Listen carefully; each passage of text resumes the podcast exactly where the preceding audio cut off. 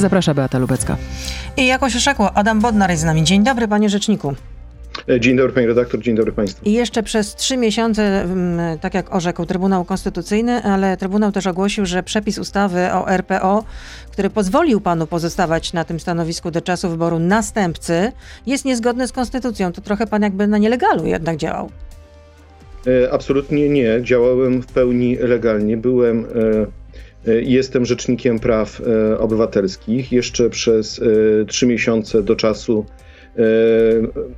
wygaśnięcia tego przepisu, bo Trybunał odroczył e, wygaśnięcie tego przepisu właśnie o te e, trzy miesiące. Natomiast oczywiście od wczoraj nastąpiło tak zwane e, przełamanie domniemania konstytucyjności. Teraz pewnie wszyscy nieprawnicy się wyłączają. Chodzi o to, że od tego momentu mamy już sobie zdawać sprawę z tego, że Trybunał powiedział, że rzekomo coś jest nie tak z tym przepisem powinienem się powstrzymywać od działań, które mogłyby zagrażać bezpieczeństwu obywateli. Mniej więcej taka, taka była teza E, e, Trybunału, że rzekomo moje działania prawne mogłyby zagrażać bezpieczeństwu obywateli, stawiać ich w poczuciu braku zaufania do państwa e, i stwarzać sytuację niepewności. Od tego momentu mam się Prawda, musi być ciągłość, od... musi być ciągłość urzędu po prostu.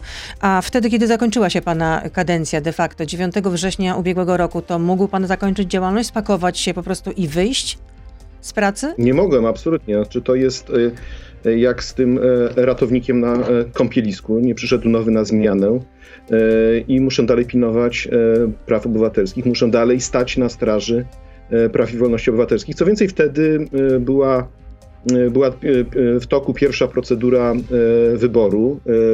Jedyną kandydatką zgłoszoną przez Koalicję Organizacji Pozarządowych oraz przez polityków opozycji była pani mecenas Zuzanna Rudzińska-Bluszcz. Później w drugim rozdaniu to była znowu pani mecenas Rudzińska-Bluszcz. Dopiero w trzecim rozdaniu się pojawił pan Piotr Wawrzyk. E, poseł i wiceminister e, spraw zagranicznych. No i teraz mamy czwarte, e, czwarte rozdanie. Ja po prostu wykonuję swoje zadania, służę obywatelom do czasu wyboru następcy. A jak pan ocenia ewentualnego następcę? Bo wczoraj Sejm, Sejmowa większość zaakceptowała kandydaturę posła Prawa i Sprawiedliwości Bartłomieja Wróblewskiego. Uważam, że byłoby niezgrabne, gdyby, gdyby odchodzący rzecznik e, oceniał e, kandydatów e, na rzecznika praw obywatelskich. Ja mogę jedynie powiedzieć tyle, że konstytucja nie bez przyczyny statuje bardzo twardo gwarancję niezależności rzecznika od innych władz, bo to ma służyć temu, aby ten rzecznik był E, niezależny w strzeżeniu praw i wolności obywatelskich, żeby był, można powiedzieć, jak najdalej od władzy. A czy teraz w ciągu tych trzech miesięcy jeszcze, które panu zostały, może pan podejmować interwencje w imieniu obywateli? Czy to już jest tylko takie trwanie? E, uważam, że absolutnie mogę, e, a szczególnie w tych sprawach, no, które są pilne, które wymagają natychmiastowej reakcji, czy w których biegną terminy procesowe. E, to w takich sprawach e, powinienem, przy czym no, myślę, że to jest e, ze względu na to przełamanie tego domniemania konstytucyjności, no to pewnie muszę być w tym, może powiedziałbym tak, wstrzemięźliwy, tak, żeby właśnie nie narażać się nasz zarzut, że E, przekraczam teraz ten mandat. Czyli nie będzie pan na pewno nadgorliwy. A teraz będzie prawdopodobnie inicjatywa ustawodawcza, która wykreuje nową instytucję PO-RPO, tak przewiduje profesor Ewa Łętowska, pierwsza rzeczniczka, pierwsza rzecznik praw obywatelskich w Polsce, wybrana jeszcze w 1988 roku. A pan jakie przewiduje scenariusze, że co się wydarzy?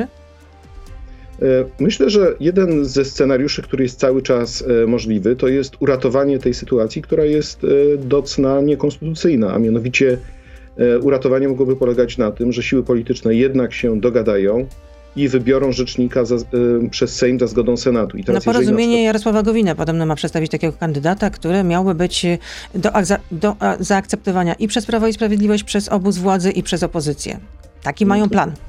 Takie deklaracje słyszałem, natomiast to by wymagało tego piątego okrążenia, jeśli chodzi o wybór rzecznika, czyli musielibyśmy jeszcze przejść przez Senat w odniesieniu do pana, e, pana doktora Wrublewskiego. No i teraz, gdyby tak się stało, to, to w sumie jedyna szkoda dla systemu prawnego byłaby taka, że zapadło to nieszczęsne orzeczenie, e, ale no druga szkoda to to, że przez te powiedzmy te półtora, dwa miesiące, e, trzy miesiące może nawet byłbym właśnie faktycznie ograniczony w zadaniach, ale gdyby został powołany nowy rzecznik z dobrym mandatem e, e, konstytucyjnym, czyli mandatem Sejmu i Senatu i z mandatem społecznym podkreślam, bo, e, bo o to chodzi w tym porozumieniu dwóch izb parlamentu, żeby ten rzecznik cieszył się dużą legitymizacją społeczną, no to wtedy można powiedzieć, sytuacja zostałaby jakoś tam częściowo uratowana. Natomiast oczywiście ja się spodziewałem tych raczej gorszych scenariuszy, czyli jeżeli pan Wróblewski nie zostanie zaakceptowany, to prawdopodobnie wtedy na siłę będzie przepychana ta ustawa o komisarzu, który miałby wykonywać zadania rzecznika. Ten, jak już ten komisarz do biura wejdzie, no to wtedy władzy nie będzie zależało w ogóle na tym, żeby nawet przez miesiące, lata powoływać nowego rzecznika i się dogadywać o cokolwiek e, e, z Senatem, bo urząd zostałby już wtedy obsadzony i przejęty. No, ma pan wielu zwolenników wśród liberałów, ale też wielu przeciwników po stronie konserwatywnej, na prawicy. No i słyszałam takie określenie, że przeciwnicy mówią o panu, że jest pan rzecznikiem ubeków, kasty i zadymiarzy z kolektywów LGBT. Jak się pan do tego odniesie? O Jezu, jaki, jaki tutaj e, zbiór.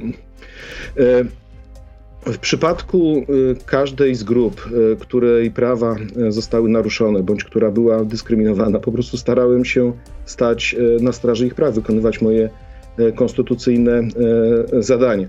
I, I, nawet tak rozpisując na czynniki pierwsze, te, te trzy kategorie, no to tak, w przypadku osób objętych ustawą dezubekizacyjną walczyłem, zresztą dość skutecznie, o to, żeby nie stosować zasad odpowiedzialności zbiorowej, tylko zasady indywidualnej oceny czynów i i zasług i w ten sposób określać uprawnienia emerytalne. Jeżeli chodzi o prawa osób LGBT, to są prawa określone w Konstytucji. Mamy w Konstytucji zakaz dyskryminacji z powodu jakichkolwiek przyczyn. I moje działania nie różniły się aż tak bardzo od tego, co bardzo odważnie chciałbym podkreślić. W 2006-2007 roku robił już dr Janusz Kochanowski. Doktor Kochanowski, będąc konserwatystą, opowiadał się za prawami osób LGBT. Nie wiem, czy pani redaktor wie, że na przykład osoby transpłciowe bardzo doceniają jego zaangażowanie. On się spotykał z Fundacją Transfuzja i okazywał wtedy e, wsparcie. Janusz e, Kochanowski e, niestety zginął w Smoleńsku, to przypomnijmy. Tak jest. E, natomiast jeśli chodzi o trzecią kategorię, czyli zadymiarze tak, z, z kolektywów, no to jeżeli ludzie korzystają z wolności organizowania pokojowych zgromadzeń i są następnie ofiarami przemocy ze strony policji, albo ich w ogóle prawa do wyrażania się publicznie prawo uczestnictwa w demonstracjach jest tak potężnie ograniczone w czasie demonstracji, no to, e, to co by obywatele powiedzieli, gdyby rzecznik nie reagował? Gdyby rzecznik powiedział, a mnie to nie obchodzi, bo wiecie, tu są jakieś tam inne, inne sprawy. No nie, no jeżeli widzę używanie środków e, przymusu, pałki teleskopowej, ataki gazem pieprzowym, wywożeniu ludzi na, posterunku, na posterunki policji, nie, za, nie zapewnianie im odpowiedniej ochrony prawnej, czy w ogóle y, naprawdę gorszące traktowanie na tych posterunkach, no to jest moja rola po prostu y, konstytucyjna, żeby na to reagować i tym się zajmować. I ostatnie pytanie w części radiowej to też interesuje słuchaczy. Czy wyjdzie pan po, po, do polityki po zakończeniu swojej działalności jako Rzecznik Praw Obywatelskich? W najbliższym czasie skupiam się na tych e, trzech miesiącach. E, kontynuuję Ale jak już na... te trzy miesiące miną, wiemy, że jest pan e. wykładowcą na prywatnej uczelni, więc rozumiem, że to będzie cały czas kontynuacja. A czy wejdzie pan do polityki? Czy są takie plany? Na razie tego nie przewiduję. Ja, ja potrzebuję co najmniej kilku lat na to, żeby zorientować się tak zawodowo, co w życiu chciałbym jeszcze robić. Równie dobrze może to być jakaś działalność na poziomie międzynarodowym. Kiedyś myślałem o tym, żeby na przykład starać się o e, stanowisko komisarza praw człowieka Rady Europy. To jest taki, można powiedzieć, ombudsman, tylko że dla e, całej Rady Europy. Trochę, trochę z innym, innym zakresem kompetencji, ale bardzo takimi ciekawymi i, i myślę, że wpisującymi się w mój profil zawodowy, no ale żeby kimś takim zostać, no to trzeba mieć poparcie polityczne z kraju. To obecnie To nie jest to takie proste. Nie jest to takie proste. Dobrze. Na razie no pan nie wchodzi do polityki, jak słyszeliśmy. Y, to tyle w części radiowej. Adam Bodnar z nami zostaje. Jesteśmy na Facebooku, na Radio ZPL. Beata Lubecka. Zapraszam. Przypomnę, że dzisiaj naszym gościem jest cały czas jeszcze Rzecznik Praw Obywatelskich przez następne trzy miesiące, jak orzekł Trybunał Konstytucyjny. No i to też są pytania od y, słuchaczy. Mm, czy interweniował Pan na przykład w sprawie y, katolików? Czy takie skargi się do pana, y, czy takie skargi do pana trafiały? Bo też w przestrzeni publicznej pojawiają się takie zarzuty wobec pana, że jakoś nie stawał pan specjalnie gorliwie w obronie tej grupy społecznej. E, przede wszystkim e, Katolicy są grupą społeczną, która może być dyskryminowana ze względu na tak zwaną przynależność e, wyznaniową i przyznaję, że w Polsce się zdarza, i to niestety ostatnio częściej, że e, pod e, adresem katolików pojawia się sporo przypadków ataków słownych, ale także ataków fizycznych. Za każdym razem, kiedy takie historie były pojawiały się w przestrzeni publicznej, to starałem się takie sprawy podejmować. Podejmowałem sprawy dotyczące ataku na różne kapliczki, niszczenia, niszczenia ich. No i powiem tak, no, jeżeli jeden z zaszczytów, który otrzymałem w październiku zeszłego roku, to było odznaczenie E, Klubu Inteligencji Katolickiej e, o nazwie Pontyficji Budowniczy Mostów, no to znaczy, że jednak środowiska katolickie chyba doceniają, że także byłem z nimi. Może nie wszystkie środowiska katolickie, ale na pewno część e, z nich widziała, że raczej staram się być tym, który prowadzi dialog, który też interweniuje kiedy trzeba, a nie uznaje, że tematy tego nie dotyczą. A dużo takich skarg do Pana wpłynęło, jeśli chodzi o dyskryminację ze względu na wyznanie religijne? Trochę wpływało, ale zdecydowanie mniej niż jeżeli chodzi o inne grupy. Co więcej, podkreśliłbym, że te sprawy, w odróżnieniu od spraw innych grup, są zawsze bardzo dobrze zaopiekowane przez organy władzy, bo za każdym takim razem prokuratura działa niezwykle sprawnie i niezwykle wręcz powiedziałbym intensywnie, tak? A w przypadku innych osób, grup, które są dyskryminowane e, czy poniżane, no, na aktywność prokuratury czasami trudno liczyć i wtedy w sposób naturalny rola Rzecznika Praw Obywatelskich się zwiększa. A interweniował pan na przykład y, w sprawie y, niszczenia elewacji kościołów, czy w ogóle niszczenia świątyń po 22 października, kiedy to Trybunał Konstytucyjny podjął decyzję o ograniczeniu dostępu do aborcji. No i wywołało to y, niezadowolenie społeczne, ludzie wyszli na ulicę. No ale też dochodziło do, do takich incydentów, że no, elewacje kościołów na przykład były niszczone. To znaczy wtedy e, bardziej e, moja rola polegała na tym, żeby apelować do swoistego zdrowego rozsądku i do tego, żeby po prostu uchronić e, przestrzeń kościołów. Ponieważ jeżeli demonstrujemy, to możemy na różne sposoby demonstrować. Jeżeli na przykład niekonieczne jest zaraz wchodzenie do kościołów, można dokonać różnych protestów na zewnątrz, czy można, nie wiem, też przed siedzibami biskupów i absolutnie no, jestem osobą, która raczej zawsze będzie dążyła do tego, żeby zachować tą przestrzeń publiczną dla nas jako przestrzeń wspólną, przestrzeń, która ma łączyć, a nie e, która ma e, dzielić. I jest pytanie od słuchacza. Pan Andrzej pyta, jakie konkretne osiągnięcia na polu obrony praw obywatelskich innych grup e, społecznych niż LGBT pan ma? Pytanie trochę z tezą, tak? To znaczy. No, pytanie od słuchacza. Tak.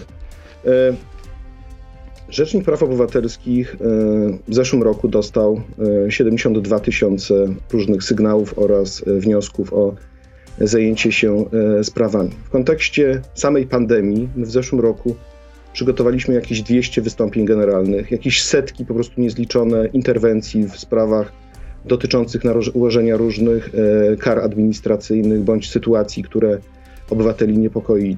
Moi pracownicy każdego dnia wiszą na e, infolinii i ludziom pomagają w tematach kwarantanna, izolacja, dostęp do e, świadczeń, zakazy przemieszczania się, zakazy opuszczania kraju, powroty do, e, do kraju. I dla mnie ten okres, po pandemii, ten okres pandemii no był szalenie ważnym momentem z punktu widzenia naszej działalności, bo pokazaliśmy, że jesteśmy bardzo obywatelom e, potrzebni. E, I tutaj wiele z tych interwencji się kończyło sukcesem. No weźmy taki przykład noszenie masek. Tak ja już w maju mówiłem i apelowałem, wprowadźcie normalny ustawowy nakaz noszenia masek, a nie róbcie tego na poziomie rozporządzenia. Rząd się dopiero w październiku tak zorientował, że taka sytuacja po prostu będzie, będzie powodowała trudności z punktu widzenia egzekucji prawa. Te wszystkie zakazy wchodzenia do lasu, E, zakazy e, przemieszczania się, e, ograniczenia dotyczące wolności zgromadzeń, to wszystko reagowaliśmy. Myślę, że głos rzecznika miał wielki wpływ. Ale z takich rzeczy, na przykład dotyczących też szerokiej grupy, to sprawy Frankowiczów. Ja akurat bardzo mocno uwierzyłem w słowa Jarosława Kaczyńskiego i mówię to bez ironii, że jeżeli Frankowicze chcą dochodzić swoich praw, to muszą iść do sądów i przez ostatnie kilka lat bardzo aktywnie E, zarówno na poziomie takim e, merytorycznym, doradczym wspieraliśmy Frankowiczów, jak również poprzez e, przystępowanie do postępowań sądowych. Też nawet złożyliśmy kilka skarg nadzwyczajnych, które tego dotyczyło, z dużym, z dużym sukcesem. Zajmowałem się prawami osób z niepełnosprawnościami, prawami osób dotkniętych kryzysem bezdomności, gdzie się udawało rozwiązywać jakieś różne drobne lub większe problemy, jak chociażby to, że osoby dotknięte kryzysem bezdomności nie mogły się prawie uczestniczyć w wyborach, bo nie miały się gdzie zarejestrować. Jako, A czy interweniował pan na przykład w, w sprawie przedsiębiorców, którzy są poszkodowani w związku z tym, że nie mogą prowadzić działalności gospodarczej, nie mogą po prostu pracować, nie mogą rozwijać swoich biznesów? Nie wiem, czy pani redaktor pamięta dyskusję na temat tego słynnego wyroku Wojewódzkiego Sądu Administracyjnego w Opolu, który powiedział, że E, fryzjer może prowadzić działalność, no to przecież to nasze biuro to nagłośniło i mówiło cały czas, że jeżeli wszystkie ograniczenia będą wprowadzane na poziomie rozporządzeń, to tak się to skończy. Uważam, że e, Interwencje dotyczące przedsiębiorców e, podejmowaliśmy na dwóch poziomach, zarówno reagowania na bieżące sytuacje, jak również na poziomie tym ogólnym, ponieważ uważam, że rząd robi wszystko, co w mocy, aby ograniczyć odpowiedzialność odszkodowawczą państwa w stosunku do przedsiębiorców i temu służyły wnioski do Trybunału Konstytucyjnego kierowane w zeszłym roku przez e, prezesa Rady Ministrów. Uważam, że to są e, wnioski absolutnie niegodne premiera, ponieważ nie można ograniczać konstytucyjnej zasady odpowiedzialności odszkodowawczej. E, I tutaj, jeżeli chodzi oprócz o interwencje dotyczące przedsiębiorców, to pamiętajmy, że mamy w Polsce i popierałem powstanie tej instytucji, to był pomysł rządowy i dobry pomysł rządowy, podkreślam, stworzenia Rzecznika Małych i Średnich Przedsiębiorców. I tutaj akurat w czasie pandemii Działalność rzecznika bardzo się przydała, bardzo się e, sprawdziła. Byliśmy też w bieżącym e, kontakcie z panem rzecznikiem. Bardzo pan wyróżnia Martę Lempart, e, liderkę strajku kobiet. Podczas swojego ostatniego wystąpienia w Senacie powiedział pan o Marcie Lempart, że jest wybitna. Dlaczego pana zdaniem jest wybitna? Wydaje mi się, że jeżeli ktoś jest w stanie uruchomić ruch społeczny, w którym uczestniczy i, i koordynować ten ruch, i w tym ruchu uczestniczą setki tysięcy ludzi, E, przecież największa demonstracja w Warszawie miała ponad 100 e, tysięcy ludzi, no to już e, jednak to kwalifikuje taką osobę do tego, żeby być jednym z liderów życia publicznego. Zresztą Marta Lempart została doceniona różnymi wyróżnieniami przez redakcję międzynarodowych gazet. Chyba Financial Times ją uznał za jedną z najważniejszych kobiet w Polsce, w, w Europie. E, i patrzy na to z tej, e, z tej perspektywy jej po prostu znaczenia dla życia publicznego e, w Polsce, jako osoby, która protestuje przeciwko haniebnemu wyrokowi Trybunału Konstytucyjnego z 22 października 2020 roku. Ale nie przeszkadzało to panu, że liderka strajku kobiet nawoływała do wychodzenia do ulicy w czasie pandemii, no w czasie zagrożenia jednak dla, dla życia ludzi?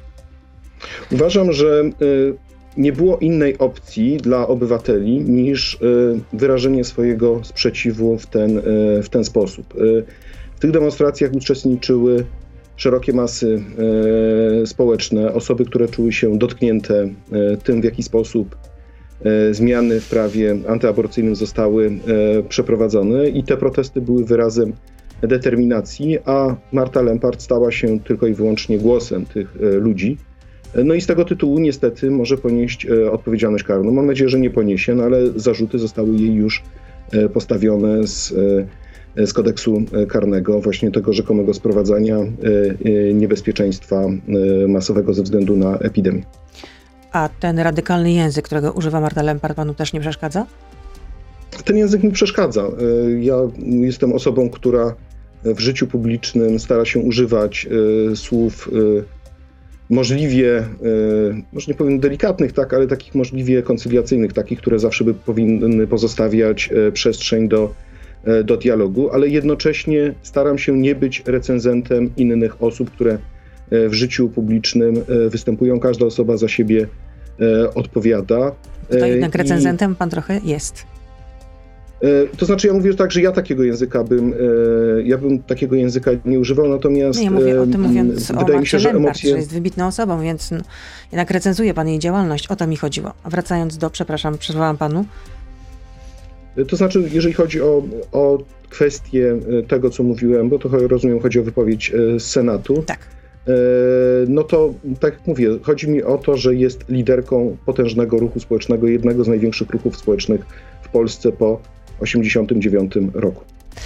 No i kolejne pytanie od słuchacza, który pyta, dlaczego nie przeszkadzała panu sytuacja, kiedy polska presa należała do zagranicznego niemieckiego wydawcy, a przeszkadza panu e, teraz, kiedy prasę regionalną kupił e, państwowy koncern paliwowy? Czyje interesy pan reprezentuje? Pyta słuchacz o Niku Pikuśpol.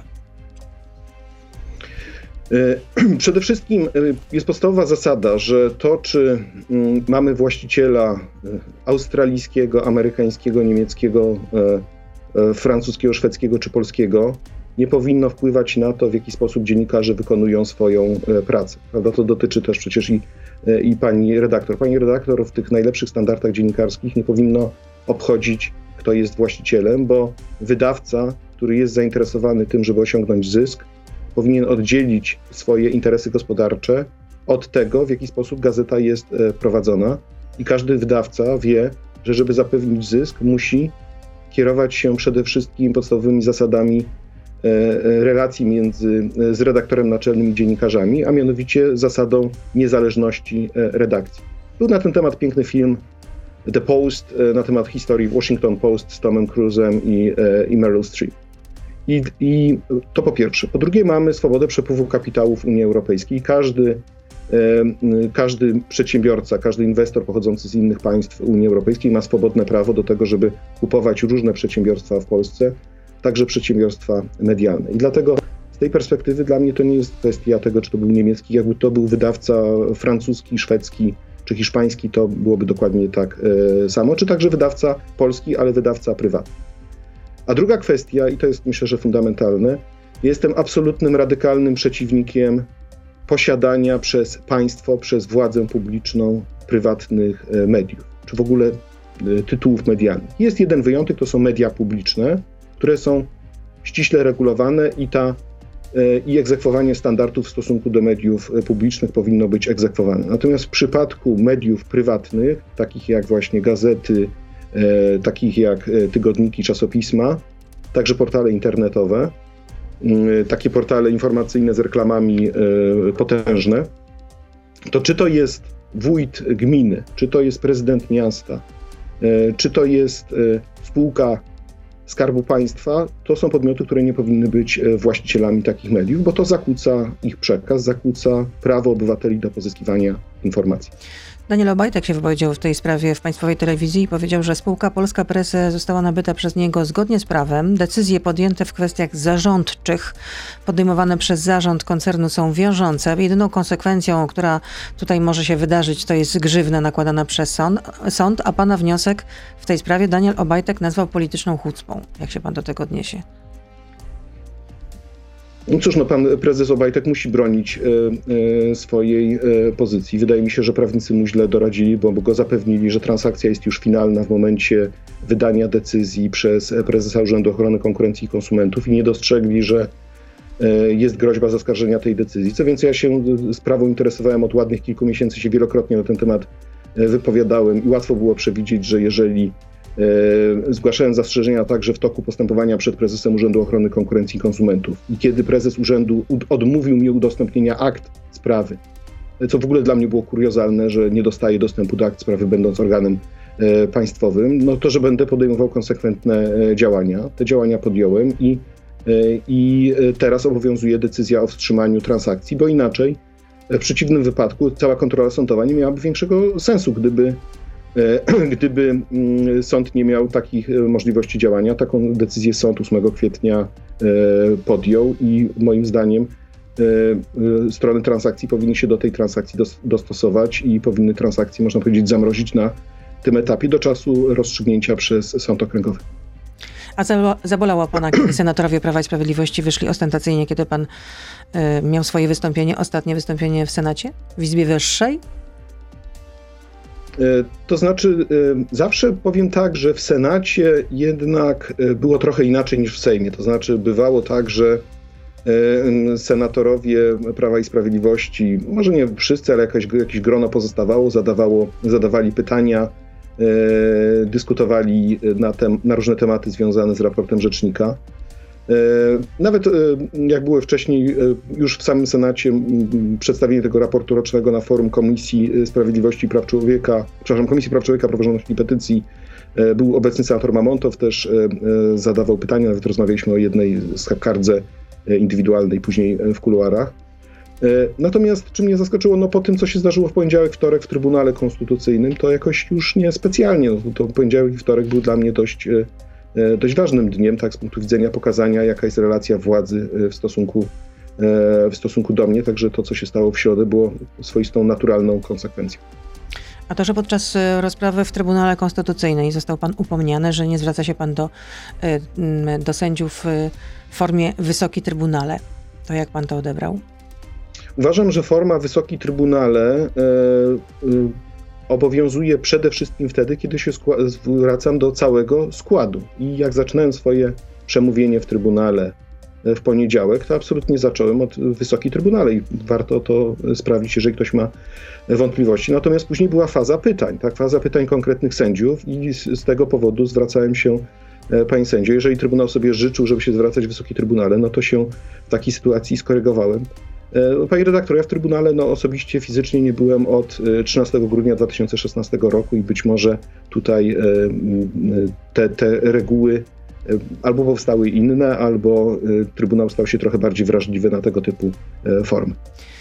Wspominałam już o tym, że e, ma pan, oprócz tego, że ma pan e, ogromną rzeszę zwolenników, ma pan też e, wielu przeciwników, no i, i kolejne krytyczne opinie, które padają na pana temat, na, pan, na temat pana działalności jako Rzecznika Praw Obywatelskich w przestrzeni publicznej, to są też takie, że nikt nie sprowadził Urzędu Rzecznika Praw Obywatelskich do takiego jednoznacznego partyjnego narzędzia wpływu i że tworzy pan wokół siebie rozgłos, wokół własnej osoby. Panie redaktor, to są y, oceny, tak? Y, co do rozgłosu. Y, ja nie wiem, czy ja tworzę znaczy, rozgłos. każdy, ja kto wykonuje jakąś działalność no, publiczną, no, no podlega ocenom. Rzecz jasna. No, tak, no, no dobrze, to może z tym rozgłosem. Panie redaktor, jeżeli byśmy się zastanowili nad działalnością mediów publicznych, jeżeli już tak mówimy szczerze i otwarcie, to oczywiście na temat rzecznika jest sporo w mediach publicznych, ale nigdy pozytywnie. Ja od kilku lat mam regularny E, regularne, ostre mm, wypowiedzi na mój temat ze strony całych mediów e, publicznych. E, nie jestem nawet zapraszany do mediów publicznych. Pamiętam taką sytuację jeszcze. A przyjąłby pan zaproszenie do mediów publicznych? A, a, dlaczego nie? A dlaczego miałbym nie przyjąć zaproszenia? Ja wszystko to, co robię. Jako rzecznik praw obywatelskich. Stanie, ale jestem w stanie merytorycznie obronić wszystkie swoje, swoje działania, tylko do tych mediów nie jestem w ogóle zapraszany. Kiedyś pamiętam w 2000 2017 roku bodajże zostałem zaproszony do trójki, ale to tylko dlatego, że ktoś robi jakieś zdalne nagranie, tak? I z takim pewnym sentymentem wspominałem, jak to kiedyś po prostu zupełnie normalnie, regularnie e, bywałem w mediach publicznych jeszcze za czasów, jak byłem, e, e, nawet w tym jeszcze 2016 roku to się jeszcze zdarzało. Ale także tutaj, jeżeli chodzi o rozgłos, ja po prostu staram się poprzez inne kanały dotrzeć do społeczeństwa i poinformować o tym, co co robimy. Stąd na przykład też myślę, że trochę większa niż przeciętnie aktywność w mediach społecznościowych, ponieważ uważam, że to jest moja odpowiedzialność tak, w stosunku do obywateli, żeby wiedzieli, co ja, e, co ja robię i w jakim e, zakresie. Teraz, czy, że byłem jednostronny, tak, to był ten, czy ten, ten drugi zarzut. Panie redaktor, ja naprawdę głęboko wierzę w to, co jest w Konstytucji. Ja się nie oglądam na tych czy innych polityków, tylko staram się E, realizować e, e, te wartości, które z konstytucji wynikają. I być może kłopot polega na tym, że my przestaliśmy konstytucję szanować, albo to, że w ogóle upominanie się o konstytucję stało się po prostu zwyczajną działalnością polityczną. Być może chodzi o to, że konstytucja z każdym kolejnym rokiem jest coraz bardziej rozmontowana, czego przykładem jest zresztą ten wyrok wczorajszy. Tak? To jest kolejny etap, uważam, rozmontowywania konstytucji. Y, Monika pyta, dlaczego nie upominał się pan o prawa lokatorów wyrzucanych w Warszawie na bruk sprywatyzowanych y, kamienic? Ale upominałem się, no wielokrotnie o to, o, o, to, o tym mówiłem, e, podejmowałem interwencje, apelowałem o przyjęcie kompleksowej ustawy e, reprywatyzacyjnej. E, prowadziłem cały szereg różnych postępowań. W Zespole Prawa Cywilnego kilka osób nad tym pracuje. Mamy taki jeden duży sukces, który akurat dotyczy miejscowości podwarszawskiej, Michałowice, gdzie było zagrożenie, że, że dawni właściciele e, przejmą e, grunty i to, będzie, to spowoduje zagrożenie dla e, osób. Proszę sobie wyobrazić, panie redaktor, te Michałowice były dla mnie takie szczególnie ciekawe, ponieważ my do tej sprawy przed sądem administracyjnym przystąpiliśmy i okazało się, że jest 1600 stron postępowania. I proszę sobie wyobrazić, że procedura wtedy wymaga, żeby dostarczyć 1600 odpisów pisma to u mnie ludzie przez tydzień w biurze siedzieli, żeby te 1600 odpisów przygotować i do, e, do sądu wysłać. No, prawdopodobnie to jest błąd w procedurze, tak to należałoby też poprawić. E, nikt nie przewidział takiej sytuacji, ale naprawdę to, to była duża część naszej pracy, żeby w takich sytuacjach e, na bieżąco reagować. I kolejne pytanie od słuchacza. Zaproszono pana do BBC, ale rzekomo miał pan odrzucić e, to zaproszenie na wieść o tym, że w programie ma wziąć udział poseł Zjednoczonej Prawicy Prawa i Sprawiedliwości Dominik Tarczyński. Czy mógłby pan się ustosunkować do tej krążącej w mediach wiadomości? To znaczy, ja faktycznie miałem wczoraj zaproszenie do e, BBC World Service. Mhm. Miałem wystąpienie jakoś w okolicach godziny 12.10. I moja praca wygląda w ten sposób, że ja dostaję E, terminarz o tej i o tej godzinie ma się pan połączyć tu i tu i nie wiem jak to dokładnie wygląda na poziomie ustaleń z poszczególnymi redakcjami. E, zawsze jak, e, zawsze jak przyjmowałem zaproszenia od mediów zagranicznych, to zazwyczaj to było jeden na jeden. Tu nawet nie wiedziałem, że jest jakaś, jakaś tutaj kwestia rzekomej dyskusji z panem Tarczyńskim. Dopiero się w zasadzie dowiedziałem o tym z tego, E, z tego przekazu, który on zamieścił na e, Twitterze. Jeżeli pan Tarczyński chce ze mną debatować, ja nie mam absolutnie e, z tym żadnego kłopotu. Dominik, Dominik Tarczyński pana cały czas zaprasza do, do tego, żebyście stanęli do debaty, porozmawiali na, na forum, no jak rozumiem, zagranicznej znaczy ja myślę, że jeżeli, jeżeli się skończy kadencja, to wydaje mi się, że to jest zawsze zgrabniej na pewno występować razem E, z politykiem w, w, tego typu formatach. Jeżeli pan e, Tarczyński to gdzieś zaaranżuje, to ja oczywiście nie mam z tym żadnego kłopotu. Ale dopiero po zakończeniu, rozumiem, kadencji, tak? Czy nie e, teraz znaczy, jeszcze? ja generalnie, nie pani redaktor zauważy, że ja starałem się bardzo w ogóle nie uczestniczyć w takich spotkaniach z politykami, bo to stawia mnie w zupełnie innej sytuacji, tak? Ja mam reprezentować obywateli. Wydaje mi się, że relacja taka E, gdzie ja po prostu przedstawiam określone e, stanowisko jest lepsze, bo politycy mają określone interesy też do zrealizowania i wydaje mi się, że to nie jest zgrabne, zarówno czy to jest polityk opozycji, czy polityk, e, czy polityk partii rządzącej. Gabriel pyta, kibic Legii za 40-miesięczny areszt dostał 7,5 tysiąca złotych odszkodowania. Co pan zrobił w tej sprawie? To znaczy, jeżeli chodzi o kibica Legii, no to akurat chyba chodzi o Macieja Dobrowolskiego, E, akurat e, o Macieja Dobrowolskiego walczyłem o jego uwolnienie. To znaczy, to moja pierwsza decyzja, w ogóle pierwsza 9 września 2015 roku, e, zaraz jak przyjechałem do biura, spotkałem się z, wszystkimi dyrektorami, to później zaprosiłem dyrektora Łukaszuka z zespołu prawa karnego i mówię, co my zrobimy z Maćkiem Dobrowolskim, żeby go uwolnić. Napisaliśmy cały szereg pism do, do sądu. To skutkowało tym, że faktycznie sąd się zreflektował. Wtedy też prokurator generalny Andrzej Seremet E, skutecznie interweniował, ale tu może panią redaktor zaskoczę. Osobą, która mi w tym wtedy bardzo pomagała i była bardzo zaangażowana, to był pan Marcin Warchoł, wtedy pracownik Biura Rzecznika Praw e, Obywatelskich.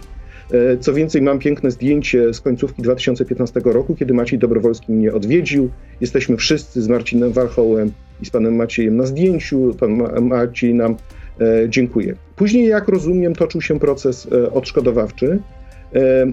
Rzecznik nie ma kompetencji do tego, żeby uczestniczyć e, w procesach dotyczących e, zadośćuczynienia za bezprawne pozbawienie e, wolności. Natomiast jeżeli jest taka potrzeba, to być może to, by, to być może jeszcze można skorzystać z nadzwyczajnych środków zaskarżenia i walczyć o wyższe zadośćuczynienie, ale o ile wiem, nikt, do mnie się nie zwrócił z taką skargą. E, jeżeli się zwróci, to na pewno taką sprawę e, przeanalizujemy. E, co więcej, w polskim prawie uważam, że jeszcze jest jedna rzecz, że trzeba wprowadzić odszkodowanie i zadośćuczynienie nie tylko za bezprawne pozbawienie wolności, ale także za bezprawne stawianie kogoś w sytuacji oskarżenia przez wiele lat. Jest sporo osób, które nie, ma, nie są w areszcie, ale wisi nad nimi akt oskarżenia przez 5, 7, 10 lat, co ich ogranicza w normalnym funkcjonowaniu, a później E, prokuratura mówi, sorry, pomyliliśmy się, albo, albo sąd wyrzuca do kosza takie akt oskarżenia. E, I wtedy w zasadzie no, bardzo trudno jest uzyskać jakiekolwiek odszkodowanie od państwa. I uważam, że w tej sytuacji należałoby przygotować zmiany w przepisach. I zresztą, a propos tego, co zrobiłem, na mój wniosek Komisja Ustawodawcza Senatu i Senat przygotował taki e, projekt ustawy. Teraz wystarczy go po prostu przyjąć przez Sejm i Senat. Michał pyta, czy może się pan odnieść do niedawno zgłoszonej do pana sprawy z 34 LO w Łodzi? Nie wiem o co chodzi. E, pani e, redaktor, nie powiem teraz w, te, w, tym, w tym momencie, bo naprawdę biuro jest duże. Ja przez ostatnie te dni się koncentrowałem na tym trybunale i, e, i po prostu wiele spraw takich indywidualnych jest w rękach zastępców. Iwona pyta, czy pan rzecznik praw obywatelskich podejmie jakieś działania w obronie księdza pobitego na śmierć? Mm, To znaczy, abs absolutnie w takich sytuacjach, jeżeli taka sytuacja się wydarzyła, to będę monitorował postępowanie. Jeżeli tłem tego wydarzenia było, był akt nienawiści, to absolutnie to jest, to jest fundamentalne, żeby takimi sprawami się zajmować. I jeszcze jedno pytanie. W Polsce nadużywa się tymczasowych aresztowań nawet e, ponad trzyletnich. Czy według Pana prawo do szybkiego procesu powinno zostać zagwarantowane, wpisane do Konstytucji? Bo przecież jeśli kogoś nie stać na prawnika, no to, y, to idzie na samo ukaranie. Tak to jest y, sformułowane, mimo że może być niewinny. Czy też jest niewinny. To jest szereg kwestii oczywiście. No przede wszystkim e, areszty e, byłyby poprawnie, lepiej stosowane, gdyby proces był szybszy w Polsce, a mamy do czynienia cały czas z systemową przewlekłością postępowania. Co więcej, w ostatnich latach jeszcze się procesy e, wydłużyły. Po drugie, presja ze, ze strony prokuratury na sądy powoduje, że sądy częściej niż to powinny stosują tymczasowe aresztowanie. No bo jeżeli sędzia, a były takie przypadki, na przykład odmawiał zastosowania tymczasowego aresztowania, a E, prokurator generalny poprzez rzeczników dyscyplinarnych nasyłał e, na sędziów e, właśnie rzeczników i uruchamiał postępowania dyscyplinarne, no to, to powoduje no, obawę taką, jak podejmować decyzje. Nam się w ostatnim roku, w ostatnich kilku latach dwukrotnie zwiększyły statystyki stosowania tymczasowych aresztowań. Niezależnie od tego wszystkiego, absolutnie trzeba zwiększyć dostępność do pomocy ze strony profesjonalnych adwokatów i radców prawnych. Tutaj są dwie, dwa poziomy, gdzie należałoby to zwiększyć. U nas y, to trochę wygląda w ten sposób, że mamy dostęp do adwokata radcy prawnego wtedy, kiedy mamy sprawę już w sądzie. E, natomiast na tych wcześniejszych etapach no jest tym o wiele trudniej i wtedy faktycznie obywatel jest e, w sytuacji wrażliwej, a zwłaszcza na przykład kiedy nie ma tego adwokata na posterunkach policji. Często te wszystkie ważne czynności są przeprowadzane zaraz po zatrzymaniu i jeżeli nie mamy z urzędu zapewnionego adwokata, radcy prawnego, no to policja może prowadzić do różnych e, nadużyć, zmuszać do przyznania się bądź e, złożenia wyjaśnień, których byśmy może nie chcieli złożyć. Ale także mówiliśmy o tej kwestii odszkodowania. Nie mamy też adwokata z urzędu, kiedy ubiegamy się o odszkodowanie za bezprawne pozbawienie wolności. Moja koleżanka dr Wiśniewska zrobiła badania aktowe na ten temat i wykazała, że Gdyby tak było, to by znacząco się zwiększyła liczba skutecznych e, odszkodowań, bo ludzie nie wiedzą, jak skutecznie i w jakiej wysokości tych odszkodowań e, dochodzić e, samodzielnie, a na tym etapie często już ich nie stać na to, żeby jeszcze prawnika prosić o walkę o ich prawa. Jeszcze powrócę do tego pytania, które zadałam na, e, w części radiowej mm, o pana ewentualną, ewentualne wejście do polityki, bo pamiętam, że też e, padało pana nazwisko w kontekście ewentualnego kandydowania na urząd prezydenta. No to może pałac prezydencki. Jako następna, następny punkt no drogi zawodowej. E, były prowadzone, był taki artykuł Jarosława Kurskiego w gazecie wyborczej na ten temat gdzieś tam były wymieniane w gronie e, potencjalnych kandydatów. Wtedy to absolutnie e, nie wchodziło w grę, ponieważ e, byłem urzędującym rzecznikiem i uważam, że to po prostu by zagroziło wykonywaniu moich zadań konstytucyjnych. Co się zdarzy za kilka lat, nie wiem, zobaczymy. Natomiast, tak jak powiedziałem, są różne opcje. Mogę iść i w kierunku akademickim, mogę iść w kierunku politycznym, mogę iść w kierunku międzynarodowym. E, naprawdę teraz najbardziej mi jest potrzebne to, żeby godnie e, dokończyć te, te trzy miesiące urzędowania, a później się skupić na tych różnych sprawach akademickich, bo to, to też wymaga czasu, refleksji i po prostu zwyczajnego spokoju. A studenci bywają wymagający. Tak jest. Bardzo dziękuję za to spotkanie. Adam Bodnar, Rzecznik Praw Obywatelskich jeszcze był z nami. Do, życzę oczywiście zdrowia nieustająco. No i do usłyszenia, do zobaczenia. Dobrego dnia życzę. Kłaniam się. Dziękuję panie redaktor. Dziękuję państwu za uwagę. To był gość Radia Z. Słuchaj codziennie na playerze i w Radio Z.